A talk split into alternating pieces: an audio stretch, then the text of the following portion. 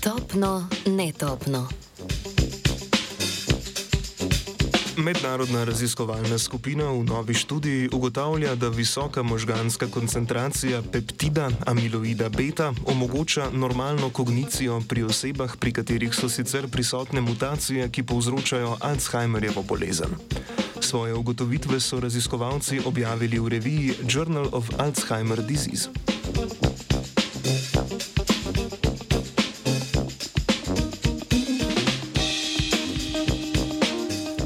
Alzheimerjeva demenca je progresivna neurodegenerativna bolezen, za katero so značilne napredujoče težave s pominom in kognicijo.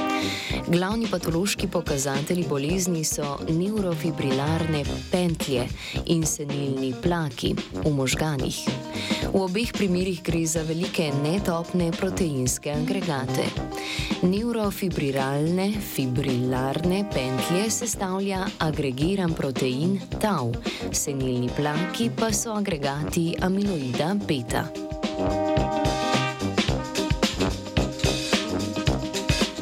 Znanstveniki in znanstvenice so dolgo sklepali, da so glavni povzročitelj bolezni prav ti netopni agregirani proteini, saj so prisotni pri praktično vseh pacijentih z Alzheimerjevo demenco.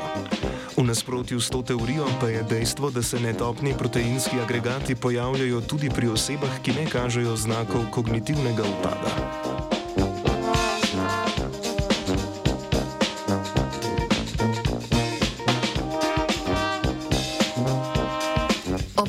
Nastanku senilnih plakov se topni amiloid beta veže v agregat in se ob tem pretvori v netopno obliko.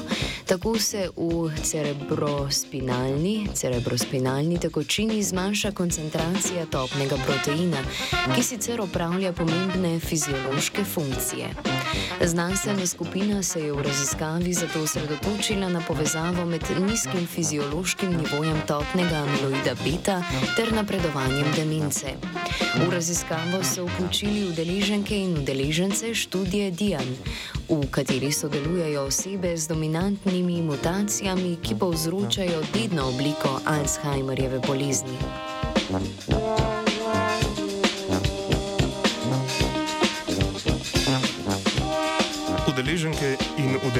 Udeleženci so, so se razdelili v dve skupini. Pri prvi skupini so ob vstopu v študijo Dian zaznali amiloidne proteinske agregate, v drugo skupino pa so uvrstili vse osebe iz prve skupine ter tudi udeležence, pri katerih ob vstopu v študijo Dian niso zaznali netopnih agregatov. Na to so analizirali podatke iz študije Dian, v kateri so te udeležence in udeleženke spremljali povprečno tri leta. Osredotočili so se na koncentracijo topnega amiloida beta v cerebrospinalni tekočini in nivo netopnih amiloidnih agregatov v možganih, prav tako pa so spremljali stopno kognitivnega upada.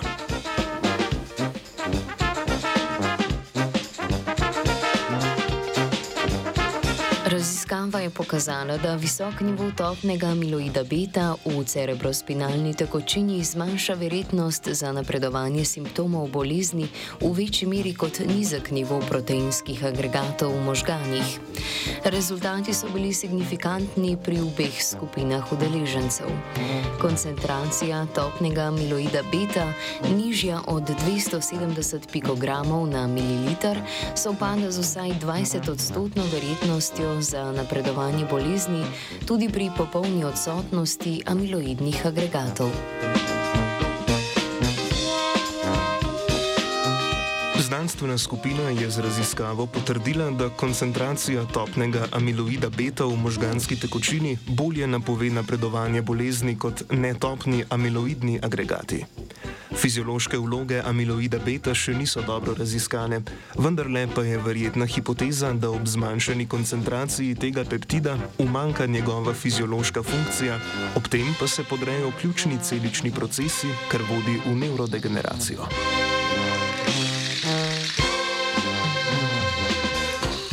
Zbritov je pripravil Luka.